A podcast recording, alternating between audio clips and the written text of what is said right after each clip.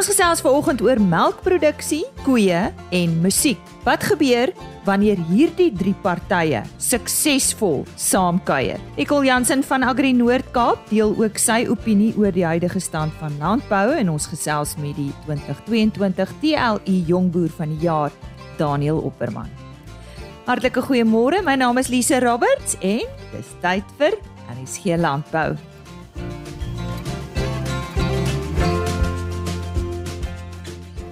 So lekker vroeg op 'n donderdagoggend, natuurlik altyd eerste tyd om oor die weer te gesels met Johan van der Berg. Nou waar ons bly hier in Pretoria, kan jy al voel die somer is verby. En eh, Johan, ons het reën gehad en ek hoor in talle ander dele van Suid-Afrika. So kom ons gesels oor reën in die algemeen. Dit nogal ek wil sê weier en beter gereend as wat aanvanklike voorspellings aangedui het. Natuurlik die meeste reën het in die Oos-Kaap en gedeeltes van KwaZulu-Natal voorgekom waar daar sommer swaar reën voorgekom het. Maar da, uh, ons het weer eens hier net voor die naweek het was daar 'n redelike stormagtige weer wat in die Langkloof weer half veroorsaak het. Dis die tweede keer in omtrent 2-3 weke uh waar daar weer redelike groot skade voorgekom het. En nou met die sikloon Freddy wat weg is, uh is hier 'n klompie tropiese vog wat afbeweeg uh hier oor Namibië, Botswana, nie verskriklik baie nie, maar uh, dit uh, uh daar's die bietjie vog wat daar is, reën eintlik baie maklik. Ons sien dat daar voorspellings van 5 en 10 mm is en dis 'n 30, 40 mm wat plek plek voorkom. So ja, dit is die tendens nou maar hierdie tyd van die jaar.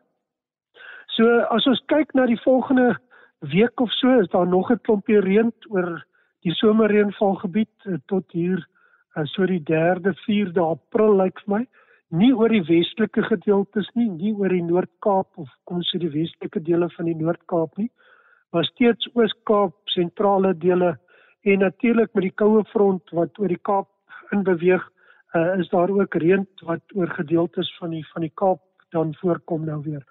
So ons sien dat hierdie koue fronte bring ook 'n klompie reën. Uh, Laasweek het die koue fronte uh soos 'n laagdrukstelsel of eintlik 'n afsnylaag gevorm. Uh en dit het natuurlik die swaar reën oor gedeeltes van die Wes-Kaap veroorsaak. So hierdie tipe van goed gebeur nou. Uh so dis ook nie onmoontlik dat ons nie volgende week weer 'n klompie reën kan kry nie. As ons na temperature kyk, soos jy aanvanklik gesê het, dit lyk of die somer redelik verby is. Ons sien nog uh, veral in Noord-Kaap is daar nog warm temperature wat so sporadies inkom, uh, gewoonlik so voor 'n koue front. Uh dan raak hy hier 3, 4, 35 grade ook gedeeltes in die Wes-Kaap en as die koue front oorkom dan daal dit tot hier omtrent 20 grade Celsius. So dis die tendens wat ons in hierdie volgende tyd ook gaan sien en ons minimum temperature het oor groot gedeeltes die sentrale en suidelike dele van die land het tot onder 10 grade gedaal en daar's plekke wat tot onder 5 grade gaan daal. Uh so dit lyk uh asof hierdie frontale stelsels vir ons redelik koue lug invoer. Uh so ryp is moontlik in die laagliggende gedeeltes maar uh, meer oor die suidelike dele van die land, so die Wes-Kaap, dele van die Noord-Kaap, uh dalk die Suid-Vrystaat uh so dit lyk asof daar so ligte rypie kan voorkom. Ek dink uit 'n uh, graanproduksie hoogpunt uh is die die gebrek aan hitteeenhede as temperature ons dagtemperature hier onder 25 grade en veral onder 22 grade Celsius val en ons nagtemperature onder 10 grade dan staak groei omtrent heeltemal en dit lyk of dit die geval gaan wees veral in die Oos-Vrystaat en Mpumalanga se kant toe. En uh, dit kan nogal invloed nog hê op die finale oes van grane want dit kan bitter ligter maak en ook kwaliteitsverliese tot gevolg hê. Johan net 'n vraag. Ek het 'n opmerking gehoor. Dit was so teen die einde van verlede week nadat ons gestel het gesels het met iemand van die Landbou Navorsingsraad aan Stellenbosch wat vir my gesê het: "O nee, dit moet net nie nou te veel reën nie want dan gaan dit nie goeie reën wees vir die winter wat voorlê nie." Wat is jou antwoord daarop? Jy moes maar vir die persoon gevra, maar wat baie keer gebeur Uh ons ons het maar 'n tipe van 'n siklus. So as ons te vroeg reën kry, dan is die midsomer, die midwinter gedeelte Junie, Julie soms uh is die en dis die belangrike maande is die reënval minder daar. Nou as ons vanjaar kyk met die El Niño wat eers hier na die winter gaan ontwikkel, is dit moontlik dat ons nou 'n klompie reën tog gaan kry April en die eerste deel van Mei lyk nogal redelik goed nog vir die vir die winterreënvalgebied en uh, selfs vir die somerreënvalgebied kan hier 'n klompie reën kom. En dan kan die midwintergedeelte droër wees en met El Niño dan hier na die winter kan ons dan weer reën beter reënval verwag hier September Oktober se kant. Uh, die winterreënvalgebied maar selfs ook gedeeltes van die somerreënvalgebied. So ja, ek weet nie wat is die goeie reën nie. Uh gewoonlik is al die goeie reën goed. Daar sê. Baie dankie aan Johan van der Berg en uh, natuurlik sal hy volgende week weer so maak. Daar is baie faktore wat 'n reuse invloed op landbou het en in die meeste gevalle het die boer geen inspraak of invloed op daardie faktore nie. Nicole Jansen, die president van Agri Noord-Kaap, is bekommerd oor die toekoms van landbou, maar hy is in dieselfde asem ook opgewonde omdat hy die aard van ons landbouprodusente ken en weet hulle kan elke keer weer opstaan as hulle platgeslaan word. Kostupisani het met hom gesels tydens 'n geleentheid op Appington waar hy met die leiers van georganiseerde landbou in die Noord-Kaap gesels het. In Suid-Afrika is daar deesdae soveel veranderlikes en onsekerhede dat 'n mens dikwels wonder of daar ooit 'n lig in die tonnel is.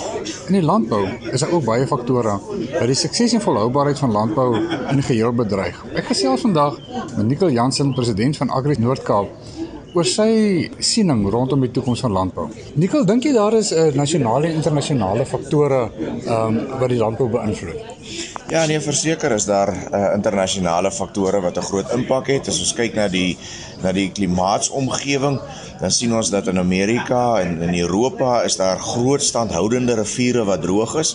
Ons sien dat ons siklone het wat wat meer gereeld rondom uh uh Mosambiek en en en dele van Afrika verwoesting saai. Ons lees dat 190 mense uh omgekom het binne dit. Ons ervaar self dat ons 3 vloede in 2 jaar het in ons groot riviere Oranje en Vaalrivier. So verseker is daar uitdagings binne die klimatologiese omgewing wat uitdagend is vir landbou waarvan 'n mens moet moet moet kennis neem. Verder meer op die ekonomiese gebied sien ons dat in Amerika van die groot banke uh, toemaak. Ons sien daar dat 'n uh, bank wat wat gevestig is oor jare en wat binne die tegnologiese omgewing hulle grootste beleggings het, dit nie meer kan maak nie en onder bestuur geplaas word en en dat dit 'n impak het op op op op ekonomie. So met ander woorde binne die ekonomiese omgewing neem ook in ag ons Russiese uh, uh, uh, oorlog ten opsigte van uh, Oekraïne en die invloed wat dit het op energiepryse uh het het het ook die ekonomiese omgewing groot impak op op die Suid-Afrikaanse boer. So binne hierdie omgewing met die Suid-Afrikaanse boer kan produseer uh binne 'n onstuimige of 'n onstabiele klimatologiese omgewing, binne 'n onstabiele ekonomiese omgewing, binne Suid-Afrika het ons 'n onstabiele politieke omgewing en ons sal moet kreatief gaan dink hoe kan ons dan uh volhoubaar produseer binne hierdie faktore wat alles 'n impak op die Suid-Afrikaanse landbouer het. Jy weet baie met die uh boere op die grond werk. Um, wat is die moraal van die boere gemeenskap op hierdie stadium? Ek dink oor die algemeen het ons 'n 'n 'n goeie moraal, ons het 'n goeie gees tussen tussen boere oor die algemeen. As ons dink aan ons saaigebiede, is goeie oeste met goeie voor prysvooruitsigte uh, op ons lande. Ons sien dat die dat die landbousektor oor die algemeen die sektor is wat die beste ekonomiese groei volgens statistiek Suid-Afrika kon kon uh, realiseer. Maar ons moet ook onthou dat dit 'n veralgemening is ten opsigte van landbou, dat ons sekere sektore binne landbou het met wie dit dan op hierdie stadium nie so rooskleurig is nie. Ons sien teen ons riviere het beurtkrag 'n enorme impak op op die risiko van landbou. Ons is het die vloede wat daarmee saamgaan binne hierdie gestresste omgewing sit uh, het ons aankondiging van minimumloon van 9.6% wat vir ons uh, vir ons arbeidsintensieve bedrywe groot uitdagings bied elektrisiteitstariewe wat met 18% verhoog en en dit plaas 'n demper op hierdie potensiaal. En uh en en, en daarom moet ons ook besef dat 'n uh, veralgemening nie noodwendig uh die die die die impak weerspieël op verskillende uh, sektore binne die uh, landbousektor nie en dat van die kommuniteite nie heeltemal so rooskleurig is soos wat die veralgemening aandui nie. Jy verwys nou na baie van die faktore wat die mense nie eintlik uh, enige invloed of enige wel hulle kan dit nie beïnvloed nie, maar jy weet ek praat dan van goed soos uh, infrastruktuur wat swak is, minimumloone, die dinge. Hoe behoort die boere dit te hanteer? Hoe moet hulle daaroor voel as jou mening? Boere sal soos altyd seker moet maak dat hulle ekonomiese besluite neem. Ons moet ons weerhou van emosie, ons moet ons weer uh, weerhou van van dit wat wat ehm uh, emosioneel is ten opsigte van jou jou jou ehm um, invloed wat Eskom en elektrisiteit op jou het. Neem 'n ekonomies volhoubare besluit in opsigte van jou alternatiewe hoe jy dit bestuur.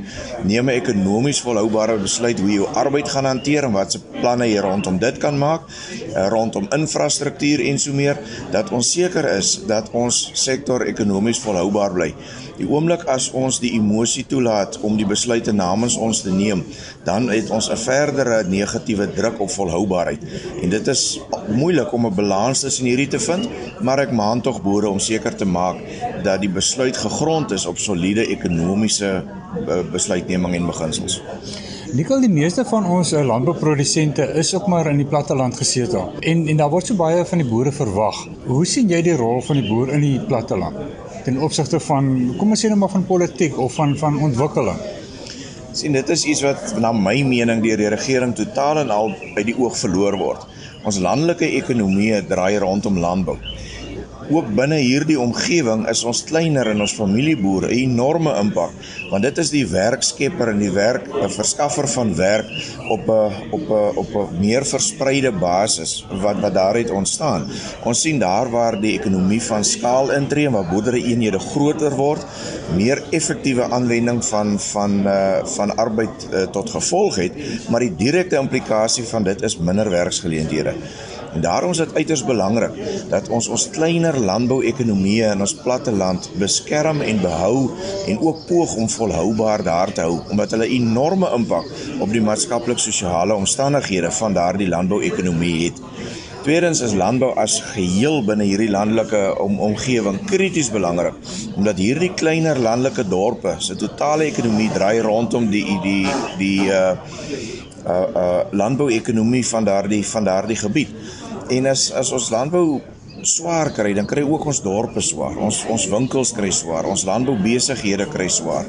Ehm um, en en alles wat daar daarmee saamgaan. So dis 'n enorme rol en en ek dink die staat dra hierdie verantwoordelikheid te maklik oor na die landbousektor sonder om die implikasie daarvan te besef. Wat as dit nie meer volhoubaar is nie? En dit is vir my baie kommerwekkend. As ons kyk na die tendens, dan uh, is dit 'n krimpende sektor ten opsigte van hoeveelheid deelname. Skaal van ekonomie raak al hoe meer belangrik vir oorlewing.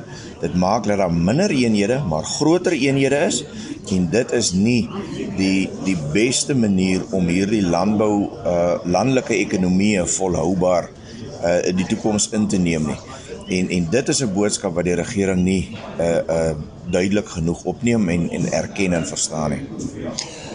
Dit was Nicole Jansen, die president van Agri uh, Noord-Kaap, wat die landbouleiers uh van die Noord-Kaap 'n bietjie positief gemaak het en bietjie moed ingepraat het. Ek is Koos de Pisani vir RSG Landbou op Affington. Dis tyd vir ons vleispryse op sy pos, Chris Derksen. Môre Chris. Goeiemôre al ons medeboere. Lisa, goeiemôre en baie dankie vir ons tyd wat jy ons gun. Gee graag vir julle dan die markverslag vir die Noord-Vrystaat vir Woensdag van die 29ste Maart. Die volgende is belangrik. Die mark bly maar baie pap en daar's nie korttermyn regtig ligpunte nie en is waarskynlik meer kooptyd as verkooptyd. Verder het stoort lammetjies se prys begin so 'n bietjie lewendig word soos ons laas vir u gesê het omdat die mense in hulle gestroopte sojaboonlande wil inskuif en die oeste in die Noord-Vrystaat lyk regtig uiters belovend. Maar ek gee vir julle die presiese pryse en onthou ek gee vir u nie die gemiddeldes nie. Ek gee vir u die pryse wat die beste kwaliteit pryse was. Speenkalvers onder 200 kg met goeie kalvers gegaan vir R36.80 per kilogram. van 200 tot 250 kg R35.50 en goeie kwaliteit kalvers wat oor 250 kg geweg het, het tot R32.84 gegaan. A-klasse was R26.60. Daar was nie B-klasse nie. Vetkoeie was R24.58, maarkoeie was R19.63 en slagbulle R24.10. Baie interessant dat slagbulle altyd so konstant bly. Skape was stoorlammetjies R42.23, slaglammers R39.10, stoorskame skape R30.23 en vetskape R30.91. En dit is lekker om te sien dat hierdie goedkoop pryse al deurwerk tot in die kleinhandel en daar allerlei spesiale pryse op vleis is op die oomblik. Bokke was lammetjies R46.40 en ooe R39.45. En ons het verwag met die einde van Ramadan so oor 2 weke sal lammers sal bokke se pryse bietjie styg. Verder, indien ons kan enigstens help, my nommer is 08280 75961 of jy kan gaan na www.vleisprys.co.za. Baie dankie. Ons dank aan Chris Derksen en die pryse van die vleis wat hy vandag deurgegee het, is behaal by veilinge in die Noord-Vrystaat. As jy nou eers ingeskakel het, goeiemôre. Jy luister na RSG Landbou. Baie welkom. Ek het onlangs die TLU Jongboer konferensie daar by die Voortrekker Monument in Pretoria bygewoon en uh, na afloop van die geleentheid met uh, die 2022 wenner Daniel Opperman gesels. Daniel, ja, kom ons vertel ons nou net eers van jouself. Waar boer jy? Waarmee ben jy boer? Is dit 'n familieboerdery? Ehm um, nee, goeiemôre julle. Baie dankie vir die geleentheid, Lisa. Man, ons boer daar by die tuinplaas. Dis eintlik 'n verskriklik klein plek niemand weet waar dit is in Limpopo provinsie. Dis 45 km van Naboom af en 50 van Nylstroom af. Ek se eerste generasie boer. Ek het nie um, die voorreg gehad om ja, ek het my eie begin, maar ek het 'n vernoot. So ek is baie gelukkig daarmee. So ons kon grond bekom so 5 jaar terug, altyd op hierdie grond gewerk.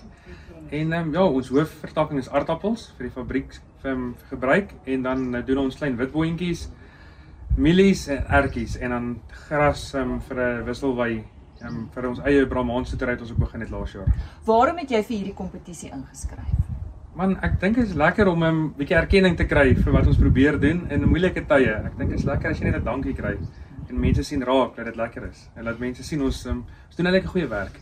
Nou jy het vandag 'n opmerking gemaak en gesê jy moenie dink jy kan net inskryf as jy 'n 60 generasie is nie. So miskien moet jy die voormalige jong boer um, aanmoedig en sê enigiemand kan inskryf. Ja, ek dink daar's 'n uh, wanpersepsie. Ek het ook altyd so gedink jy moet 'n um, groot groot boerdery met 'n um, groot gronde bewerk is glad nie nodig nie. Jy kan vandag begin boer en jy kan inskryf vir die jaar. Dis nie lekker, dis 'n gelyke speelveld vir almal. Was dit 'n aangename ervaring? Dit was fantasties geweest. Al die mense wat ons ontmoet het en ehm um, die ondervinding wat ons gehad het, dit was dis dis regtig baie lekker. Nou iemand was op jou plaas om te kom beoordeel voordat jy aangewys is. Ja. Wat het jy daar geleer? Nee, daai was nog wel lekker. Daar was 'n hele span. Ek as ek reg onthou, daar was 6 persone geweest van um, van TLU was daar mense en van al die borge, van al die borge was ook teenwoordig. En ehm um, dit was lekker laat mense kyk hoe boere en vir jou sê ehm um, idees vir jou gee wat jy kan verander of ehm um, dat hulle erkenning gee dat jy wat jy doen wat jy doen goed doen. Noem so so een of twee goed wat jy gevoel het jy moet verander nadat hulle daar was. ek dink ehm um, ons effektiwiteit natuurlik ehm um, en dan mekanisasie wat effektiwiteit insluit. Georganiseerde landbou, hoe belangrik is dit vir jou? Ek dink is dit is kardinaal in deesdae. Um, ons kan nie op ons eie aangaan elkeen op sy eie rigting trek. Ek kyk ons Afrikaners het so um, geneigtheid om elkeen sy eie rigting in te slaan of of af te stig. Um, ek dink oor die stede landbou met een gemeene doel, dat almal saamwerk is is baie belangrik in die omstandighede in die huidige klimaat waarin ons is. En nou na hierdie jaar en jy kom al ein, amper tot jou einde as jong boer van TLU vir 2022 Vir die wat nou wonder of hulle moet inskryf of nie, wat is jou antwoord? Doen dit asseblief, dis heerlik. Daar sê. en dit was 'n gesprek met Daniel Opperman tydens vanjaar se TLU Jongboer konferensie.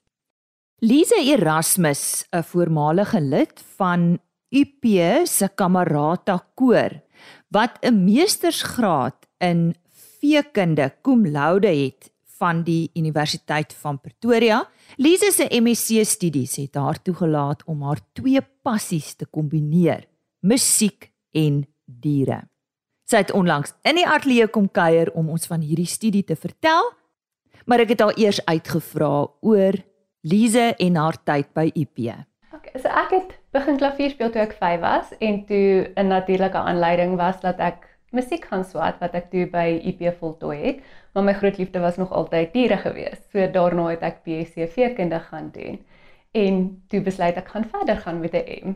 Nou ja, so die liefde vir musiek en diere het toe bymekaar gekom en dit is hoe jy besluit het om juis hierdie MSc studie van jou te doen. Ja, dit was so 'n mooi oorvleeling van die twee twee vreeslike besyde poele te ja. wees, maar dit was eintlik toe nou 'n baie lekker studie gewees. En dierewelsyn lê my baie na in die hart, so dit het alles baie mooi uitgewerk. Ja, nou ja, dierewelsyn, dis waaroor dit alles gaan. Vertel ons van hierdie navorsing wat jy gedoen het of die studie. So wat ons gedoen het is ons het 3 groepe koeie gehad en ons het 3 blokke gehad. So die eerste blok was konstante blootstelling aan um klassieke musiek wat dan in die behuising gebeur het, daar waar hulle slaap en eet, hulle daaglikse rotine, dit het daar gebeur en dan ook in die melkstal. Dan was um blok B die beperkte blootstelling aan klassieke musiek en dit het net in die melkstal gebeur. En dan blok C was geen blootstelling, dit het wel gefunksioneer as die kontrolegroep en daar het hulle dan geen blootstelling gehad nie, so hulle was verwyder van die musiek af gewees. En elke groep koeie is aan elke blok blootgestel en dit het vir 'n uh, tydperk van 28 dae geloop voordat hulle oorgeskuif is na die volgende blok toe. En in hierdie tydperk het ons dan nou hulle melkproduksie dopgehou en ons het mismonsters gevat om hulle kortisol vlakke wat die streshormoon is te meet. En die musiek, wat se musiek was dit? So ons het deur ek noem dit die keringproses. so ons het spesifiek het ek met die bladmusiek gesit en ek het gekyk is dit die stadige tempo waarna ons op soek is, is dit beats per minute reg, het dit 'n vreeslike groot omvang. Mens kan nou nie vir 'n koeie opera stuk speel en dink hy gaan nie self reageer nie. So ons het um dit was vir my 'n hele proses wat ek deur die musiek gesit het en as hy die keringproses deur gegaan het, is die musiek in die playlist ingesit. So ons het op die einde van die dag het ek 8 ure se klassieke musiek bymekaar gemaak wat ons um deur luidsprekers laat speel het wat ons gemonteer het aan die dak van die behuisingseenheid en ons het dit aan 'n battery gekoppel. So as daar krag was, het die krag die uit die aard van saak nou die lading aan die wat um aan die luidsprekers gegee. Maar as dit load shedding was, het hy oorgeskakel batterykrag toe. So hulle is 24 uur 'n dag blootgestel. So dit is wanneer hulle slaap, eet, alles. gemelk word alles. Alles. So, ja. Ons waar hulle was, was die musiek saam met hulle. En ander geluide, jy het nie daarvan ontslaag geraak nee. dat hulle net hierna luister nie. Nee. Dit hierdie was bo en behalwe gewees. Presies. Ja, so die hele idee was om nie die omgewing te verander nie, maar net om daai of wat 'n mens nou doen noem uh, environmental enrichment om jou omgewingsverryking dan nou by te sit. Ja, en dit gaan ook oor jy het gesê dierewelsyn en stresvlakke. Baie belangrik. Ja, ja, ja. En dan dit dit het nou 'n impak op hulle groter gesondheid, die immuunstelsel, al daai tipe van goed. Noem vir ons een of twee van daai stukke musiek. die maandelikse sonate van Beethoven. Um ek het ook sy pastorale simfonie gebruik en dan 'n paar van Mozart se piano sonatas en Bach se cello um concertos het ek ook gebruik en dan um Saint-Saëns se The Swan en um ek het met 'n audioloog gesels wat gehoor het op um honde doen en sy het my die raad gegee dat die koeie beet die beste hoor waar hulle self geluid maak. So dit het vir my sin gemaak hulle balk bietjie laer. So toe het ons ook na baie cello musiek gekyk. Kom ons gesels oor die uitkoms. So Presies, jy het gesê dit was 28 dae en dit was 3 blokke. So nou wat wat was die uitkoms, die resultate? So ons het dan nou die beperkte blok of die beperkte blootstelling en die klassieke blootstelling teenoor die geen blootstelling vergelyk want dit was die kontrolegroep geweest.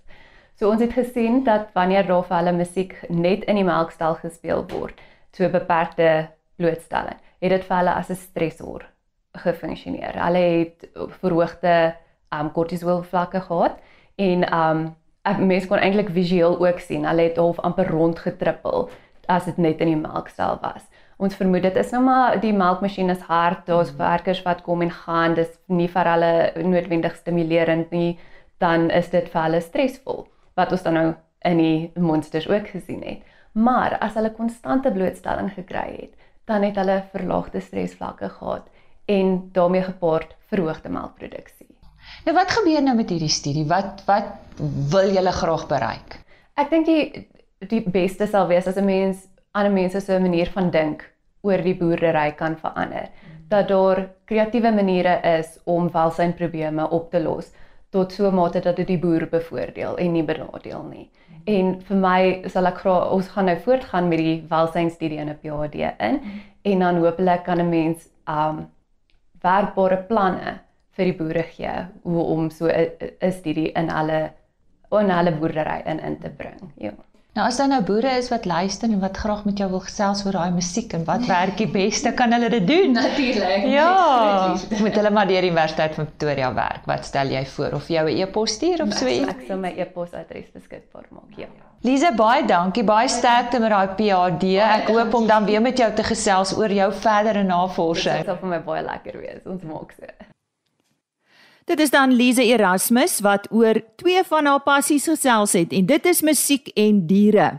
Sy het haar meestersgraad in veekunde aan die Universiteit van Pretoria voltooi, tans besig met haar PhD en die navorsingsstudie het gegaan oor klassieke musiek, streelende klassieke musiek wat melkproduksie verhoog en stresvlakke by koeie verlaag. Ek gee graag haar e-posadres. Dit is lize met 'n z e .erasmus92 by gmail.com. lize.erasmus92 by gmail.com. En dit is dan vandag se program en my kuier saam met jou vir hierdie week. Onthou ek is maandagooggend weer terug in 'n splinter nuwe tyd geleef. Onthou RC Landbou beweeg 'n bietjie aan in die oggend, jy kan so 'n bietjie later slaap of 'n tweede koppie koffie drink 25 oor 5 tot 5 voor 6 is RSG Landbou se nuwe tyd geleef. Ek sien uit om dan weer saam met jou te kuier. rsg.co.za daar kan jy die volledige program gaan aflaai. Dit is net onder potgooi beskikbaar. Dan agriorbit.com agriorbit.com daar word die onderhoude afsonderlik gelaai en ek laat jou vandag met 'n e-posadres. RSG Landbou by plaasmedia.co.za. Indien jy met vakansie is, wees veilig, geniet dit, waardeer dit. As jy met hard werk, waardeer dit ook en geniet jou naweek. Totsiens. RSG Landbou is 'n plaasmedia produksie met regisseur en aanbieder Lize Roberts en tegniese ondersteuning deur Jolande Rooi.